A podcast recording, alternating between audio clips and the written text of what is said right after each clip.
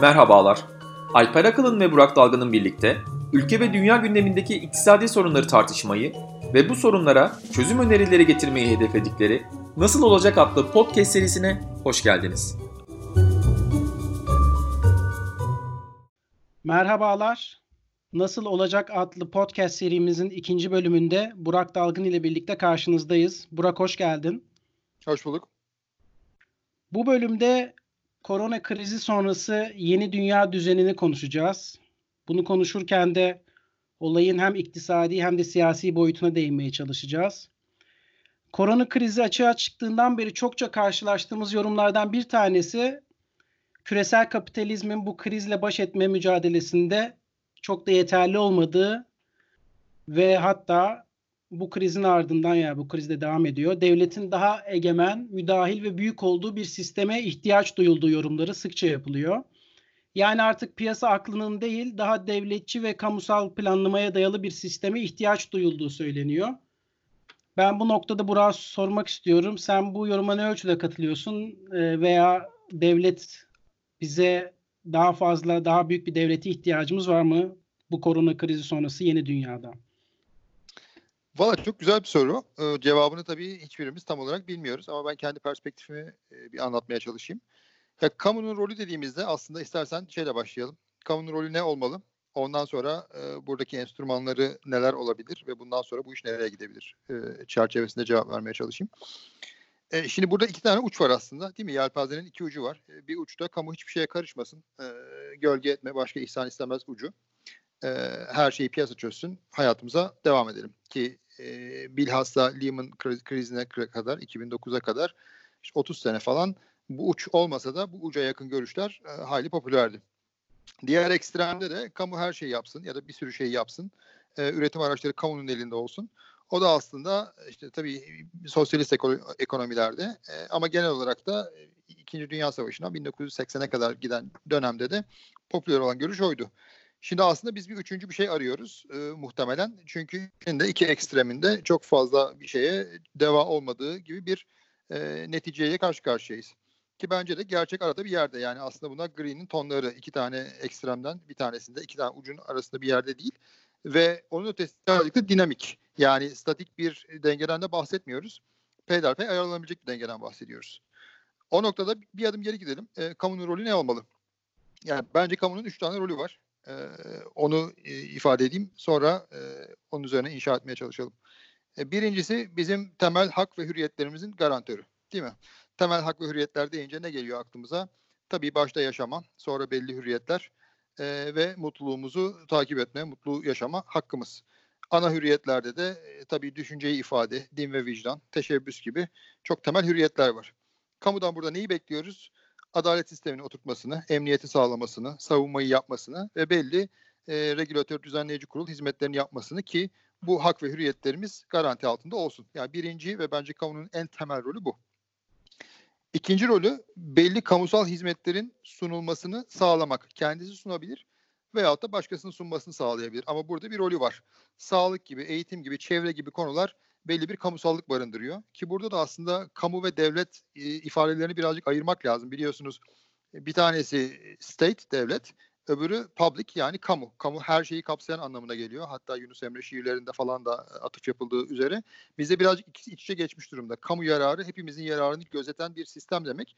Bunun aktörü devlet olabilir veyahut da olmayabilir. Tabii genel olarak devlet veyahut da devletin düzenleyici rolü. Ama önemli olan bir kamu yararı diye başka bir ilke var. Ee, onun da bir altını çizelim burada. Velhasıl ikinci rol e, kamusal belli hizmetlerin verilmesini sağlamak bence. Üçüncüsü de e, ki zaman zaman bilhassa kriz anlarında ortaya çıkan e, rol e, nihai risk yöneticisi diyelim. E, bu en temel anlamıyla benim bildiğim David Moss'un çok fazla popülerleştirdiği bir kavram ki hatta e, ben master yaparken hocamdı tam bu kavramı ortaya attığında government as the ultimate risk manager diye. Yani nihai olarak riski birisinin yönetmesi lazım ki sistem işlesin. Değil mi? Sistemin yoluna gidebilmesi için belli risklerini bertaraf edebilmesi için e, belli bir risk yöneticisine ihtiyaç var. Ki nitekim işte merkez bankalarıyla sosyal güvenlik teşkilatlarıyla e, kamu bunu hem piyasanın hem sistemin işlemesini garanti ediyor. Belli riskleri ancak kamunun alabileceği riskleri alıyor e, ve diyelim insan haysiyetini garanti eden bir rolü var diyelim. Yani benim gördüğüm kadarıyla kamunun üç tane temel rolü var. Ha bu bizi nereye bırakıyor? bunları nasıl gerçekleştireceği bence dinamik ve bu yelpazede e, gri'nin muhtelif tonlarından oluşan bu yelpazede ne tarafa doğru gideceği birazcık e, dinamik ve kamuoyunun tepkisine ve talebine bağlı değil mi? 11 Eylül'den sonra mesela güvenlik talebi çok fazla öndeydi. Kamudan ana beklenti bilhassa Batı dünyasında kardeşim benim can güvenliğimi taahhüt etti değil mi? Gerekirse bir takım diğer rollerinden e, taviz ver ama bunu garanti etti. 2008-2009'dan sonra e, Lehman battıktan sonra bilhassa aman piyasayı kurtar merkez bankaları gelsin imdada ki hala Fed biliyorsunuz e, ne olursa olsun e, faiz indirimi ya da para basmaya devam ediyor. E, geçenlerde bir tane bayağı komik bir şey gördüm. Uzaylı istilası olsa da Fed faiz indirecek diye. Herkes yandım Allah Fed faiz indirsin piyasayı korusun diyor. Yani Lehman'dan sonra kazanılan bir alışkanlık bu. Şimdi bence buradaki enteresan nokta korona krizinde kamunun muhtelif rollerinin hepsine ihtiyaç duyulması değil mi? Ya da çoğuna ihtiyaç duyulması. Ya bir taraftan diyor ki kardeşim benim kamusal bazı hizmetlere erişimimi sağla değil mi? Sağlığımı garanti et. Bir taraftan nihai risk yöneticisi rolünü yap çünkü ekonomi aşağı doğru gidiyor. Belli sayıda işsizlik var. Öte yandan e, bir takım bilhassa emniyet gibi veyahut da düzenleyici fonksiyonlar gibi temel hak hürriyetlerin regülatör fonksiyonunu yürüt. Yani kamudan bir anda üç fonksiyonun üçünün de gerçekleştirilmesi talep ediliyor. E, bence burada öne çıkacak olan olay ehliyet olacağını düşünüyorum ben. Yani kamudan beklentiler yüksek ama bu büyümenin ötesinde işini düzgün yapma becerisini isteyecek.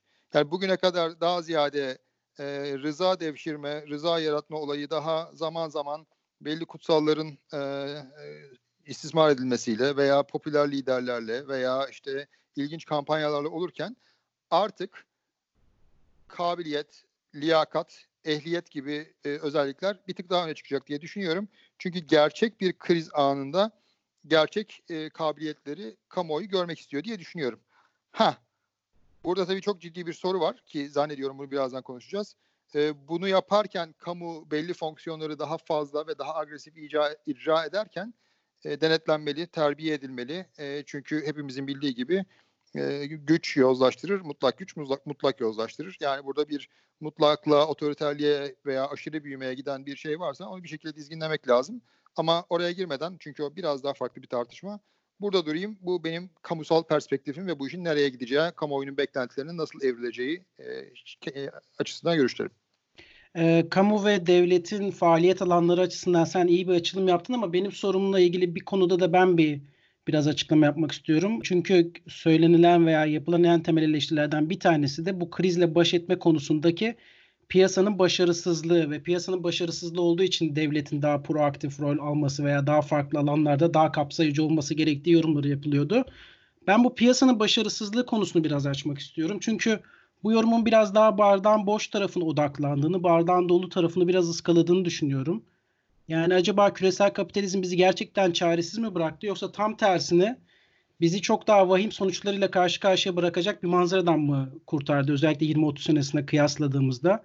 Çünkü bildiğin gibi hem küresel kapitalizmin hem de özel sermayenin veya diğer türlü tabii ki bunda devletin de payı var ama nihayetinde girişimci kuvvet olarak adettiğim birçok teknolojik ilerleme, iyi, daha iyi haberleşme koşulları ve küresel işbirliği sayesinde sağlık problemlerine daha efektif çözümler üretebildiğimiz bir çağda yaşıyoruz. Çünkü mesela koronavirüsü çıkar çıkmaz daha saatler sonrasında tüm ilaç veya sağlık şirketleri e, aşı çalışmalarına başladı ve şimdiki manzara şu korona aşısının 12 veya 18 ay içerisinde bulunabileceği söyleniyor, tahmin ediliyor. E şimdi benzer bir salgına karşı 50 yıl önce veya işte geçtiğimiz yüzyılda aşı bulma süresi 50 yıllara kadar çıkabiliyordu. Bu bence yine e, aslında özel sektör veya girişimin veya teknolojinin bizi getirdiği öne, olumlu noktalardan bir tanesi. Bir piyasa başarısızlığı değil bir piyasa başarısı veya sadece aşı ve tedavi anlamında değil testlerde de baktığımızda bu test biliyorsun tedavi sürecinde önemli. Şimdi bakıyoruz şirketlere işte isim vermeyeyim ama Amerikan e, ve diğer Avrupalı şirketler şu an çok ucuza mal olacak ve 10 dakikada sonuç veren antikor testlerini geliştiriyorlar. E, bu da yine çok ciddi anlamda bu salgının daha ciddi maliyetlere sebep olmasını engelleyen bir unsur. Ve sadece sağlık alanında değil, sağlığa destek anlamında da birçok teknolojik yenilik e, bu bağlamda bizi geçtiğimiz yüzyıla veya geçtiğimiz dönemlere kıyasla da e, salgına karşı birçok açıdan koruyor diye düşünüyorum. Mesela bu big data, bu büyük veri destekli bilgisayar modellemeleri çağında yaşıyoruz ve bu big data modellemeleriyle çalışan büyük süper bilgisayarlar sayesinde virüslerin nereye kadar yayılabileceğini, ne kadar hızlı yayılabileceğini ölçebiliyoruz. Bu da salgını durdurmamızı sağlayan önemli unsurlardan bir tanesi. Veya işte bu big data veya bu süper bilgisayarlar bu virüs engelleyecek kimyasalları keşfederek tedavi amacında da bize birçok fayda sağlayabiliyor. Yani bunu çok uzatabiliriz ama şöyle söyleyeyim e, mesela yine birkaç robotlar mesela bu şeyden de bahsediliyordu hep. Yani robotlar bizim sonumuzu mu getirecek veya işte robotlar yüzünden işsizlik artacak ve bu eşitsizliği de arttıracak gibi yorumlar yapılıyordu bu koronavirüsünden önce ama şimdi mesela Danimarka'da üretilen robotlar sayesinde hastanede ışıma yoluyla virüsler taranabiliyor ve daha steril koşullarda koronavirüsün tedavisi gerçekleştirilebiliyor. Mesela Tayland'da robotlar hastalara koronavirüsleri testlerini tatbik ederek sağlık çalışanlarına yardım ediyor ve ciddi anlamda bu tedavinin kapasitesini de arttırıyor. Hoş bunlar ülkemize çok uygulanan uygulamalar değil ama bu da tabii ki insan sermayesi ve teknolojiye yapılan yatırımların önemini de gösteriyor. Aslında senin devletin kapasitesi veya güçlü devletin olması gerektiği alanlardan bir tanesi de bu olsa gerek tabii ki. Teknoloji ve insan sermayesine yatırım. Ama nihayetinde tüm bu gelişmeler, mesela üç boyutlu yazıcılar sayesinde maskelerin daha hızlı üretiliyor olması vesaire. Bunlar aslında e, piyasa başarısızlığı olarak addedilen faktörlerin tam tersine bu piyasa sayesinde bu krizi daha az hasar atlattığımızı hatırlamamız gereken unsurlar.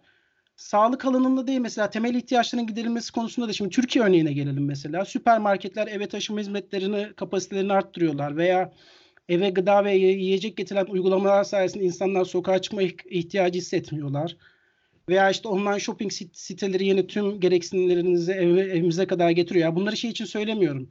Bu şirketler e, hay, hayırseverliğinden dolayı bunu yapmıyor tabii ki. Onlar da bir kar güdüsüyle veya bir çıkarlarını arayarak bunu yapıyorlar ama Adam Smith'in söylediği gibi o kendiliğinden doğan düzen içerisinde aslında bir şekilde biz bu e, salgınla daha iyi bir şekilde mücadele edebiliyoruz. O bakımdan devletten sorumluluk veya yetki talep ederken de bu özel girişimin de müşevvik veya e, girişimci teşvikini kıracak önlemlerden de kaçınmalıyız diye düşünüyorum. Bu bağlamda aslında senin gelmek istediğin soruya geleyim ben.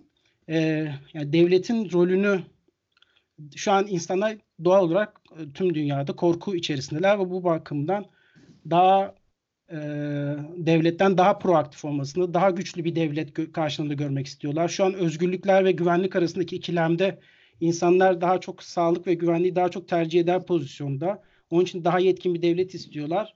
E, sence bu kadar güçlü ve yetkin bir devlet istemek ileriki vadede özellikle işler normale döndüğünde özgürlükler açısından bir tehdit teşkil edecek bir boyuta varabilir mi önümüzdeki dönemde? Ya bir ihtimal varabilir ama kesin varacak diyemeyiz. Bence orada birazcık çok basitleştirme yapılıyor. Biraz fazla düz mantık. Yani kısmen tabii hiçbir şekilde temeli yok diyemem ki geçen toplantımızda, geçen podcastimizde Hayek'e atfı da yapmıştım hatırlarsan. Yani kamunun ekonomideki rolü büyüdükçe siyasi hayattaki rolünün de büyümesi beklenen bir şey. Ama o işin o kadar düz işleyeceğini ben düşünmüyorum. Çünkü kökte kamudan talep edilen şey büyümeden ziyade kabiliyet. Yani artık insanların ana talebi ya kardeşim bana büyük laflar anlatma. Hikayeler de anlatma. Ben neticeyi görmek istiyorum. Benim sağlığımı koru. İşimi kaybediyorsam işimi koru veyahut da gelirimi koru. Önce bana icraatını göster. Yani rıza devşirme mekanizması bir takım hikayeler ya da popülariteden ziyade daha fazla gerçek kabiliyetlere kayacak diye bir düşüncem var. E, bu kısmen temenni, kısmen tahmin. O yüzden o otoriterlik kaygısı muhakkak e, belli bir sebebi var ama e, biraz fazla abartılıyor diye düşünüyorum. Çünkü talep dediğim gibi daha otoriter bir kamu değil, talep daha kabiliyetli bir kamu.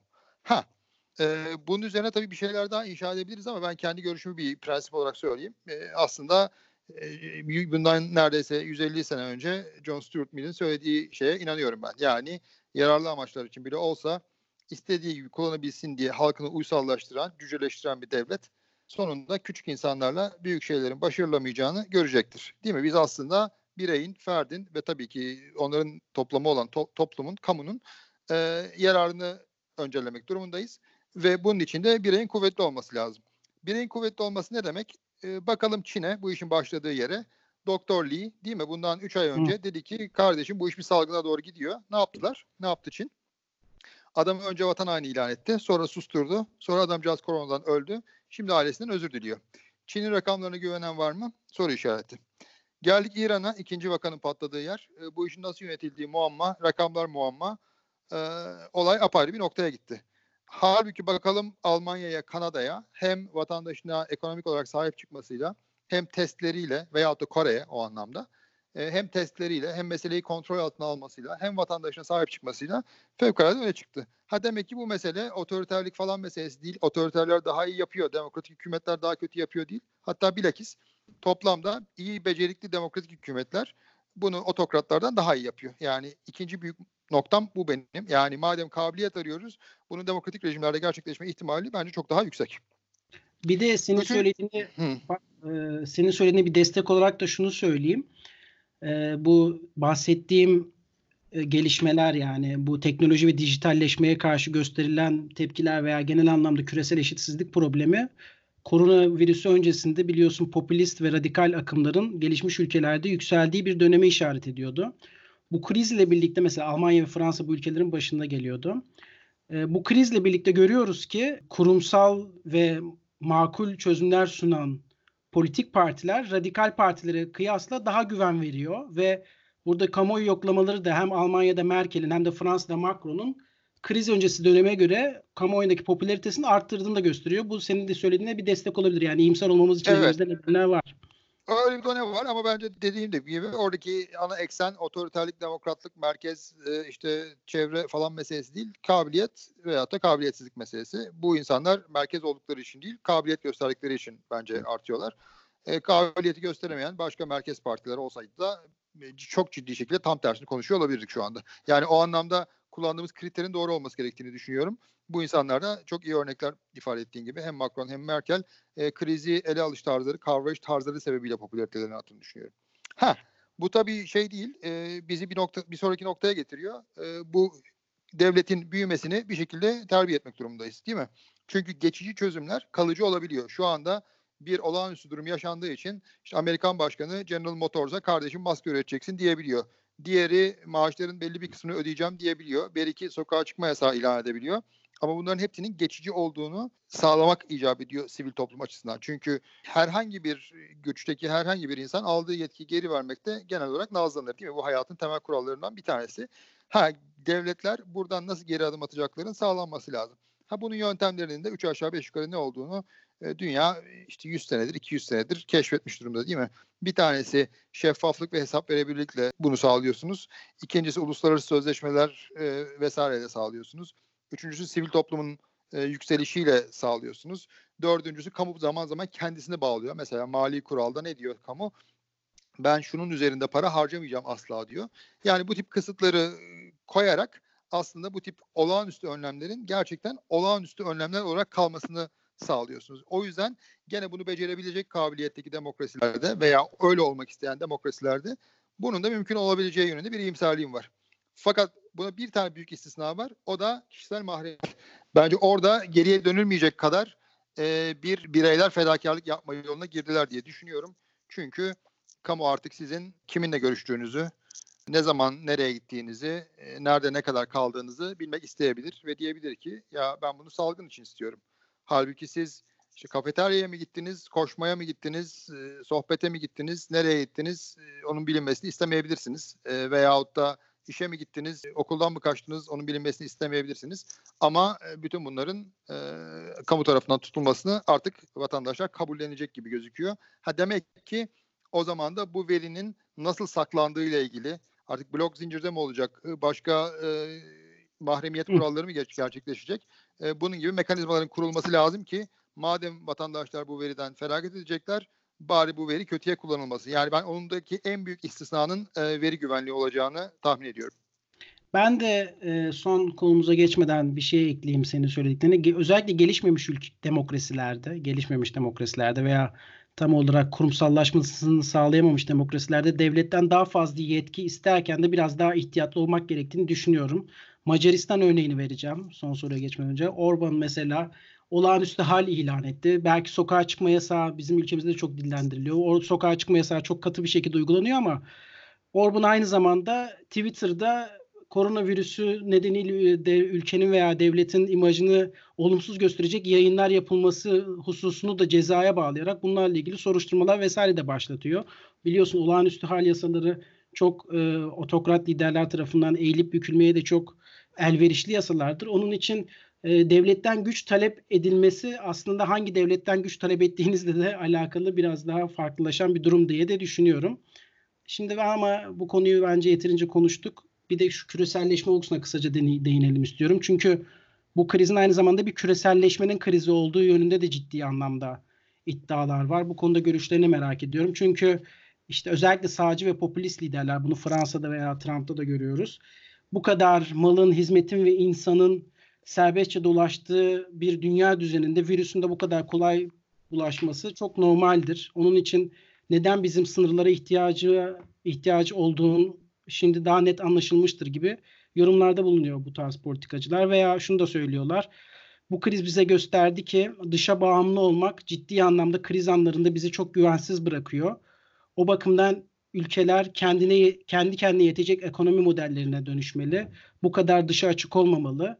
Kendi üretimini kendisi yaparak kriz anlarında kendisine yetebilmeli. Yani biraz daha içe kapanmacı, ithal ikame modeline dönüşün e, istenildiği bir döneme de girebilir miyiz veya sen buna bu yorumlara ne ölçüde katılıyorsun? Ya şöyle kısmen katılıyorum diyelim. E, yani tamamen sıfır diyemem. E, çünkü işte sınır güvenliği tabii ki herkesin giderek dikkat etmeye başladığı ve daha da dikkat edeceği bir alan.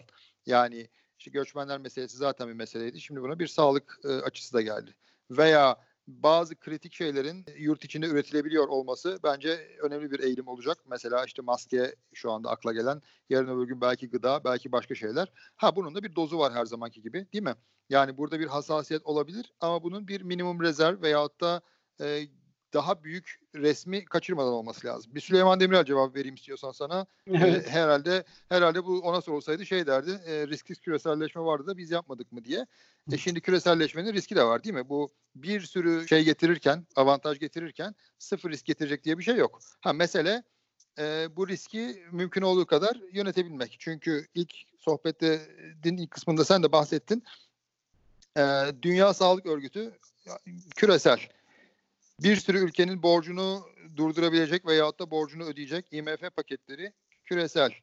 Herkesin şu anda merakla beklediği aşı çalışmaları küresel.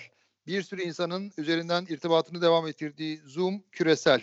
Maske üretimi küresel. Ha bunlar küreselken iyi, işte öbürü kötü böyle bir şey yok değil mi? Ha demek ki burada bir optimal var. Belli şeylerde hassasiyet veya dikkat gerekebilir ama toplamda küreselleşmenin avantajının e, yüksek olduğu bence aşikar.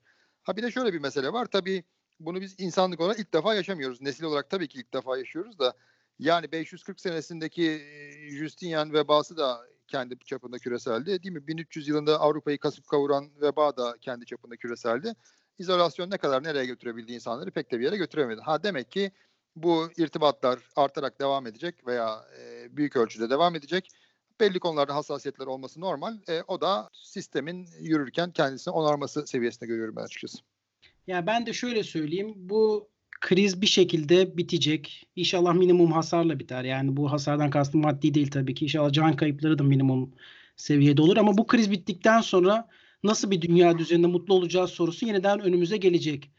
İçimize kapandığımız, birbirimizle konuşmadığımız, birbiriyle bilgi alışverişin olmadığı ki böyle bir dünyada belki de bu tarz krizlerin çözümü çok daha zor olacak. Özellikle gelişmekte olan ülkeler için. Yoksa e, birbiriyle iletişim halinde olan, barışçıl e, ve daha ucuza ve daha verimli bir şekilde hizmetlerin veya servislerin veya malların e, değiş tokuş edilebildiği, ülkelerin kendi uzmanlık alanlarını yönelip başka konularda rahatlıkla tedarikini başka ülkelerden sağlayabildiği bir dünya düzeninde mi daha mutlu olacağız? Bu sorunun da cevabının verilmesi gerekiyor. Belki kriz anlarında tabii ki bu özellikle e, tedarik zincirinde yerelleşme önemli olacak ama daha büyük pencerede içe kapanmacılığın daha mutlu bir dünya getirip getirmeyeceği konusunda açıkçası benim soru işaretlerim var. Hatta soru işaretim yok daha doğrusu. Yok daha tabii katılıyorum ben de ona. Daha mutlu bir dünya getireceğini düşünüyorum. Ama süremizi de bitirdiğimizi görüyorum aynı zamanda. Ee, senin kapatmadan önce söylemek istediğin şeyler var mı? Teşekkür ederim. Haftaya görüşmek üzere. Çok teşekkür ederiz bizi dinlediğiniz için. Mikrofonumu değiştirdim. Umarım ses kalitem bu bölümde daha iyidir. Ee, gelecek hafta görüşmek üzere.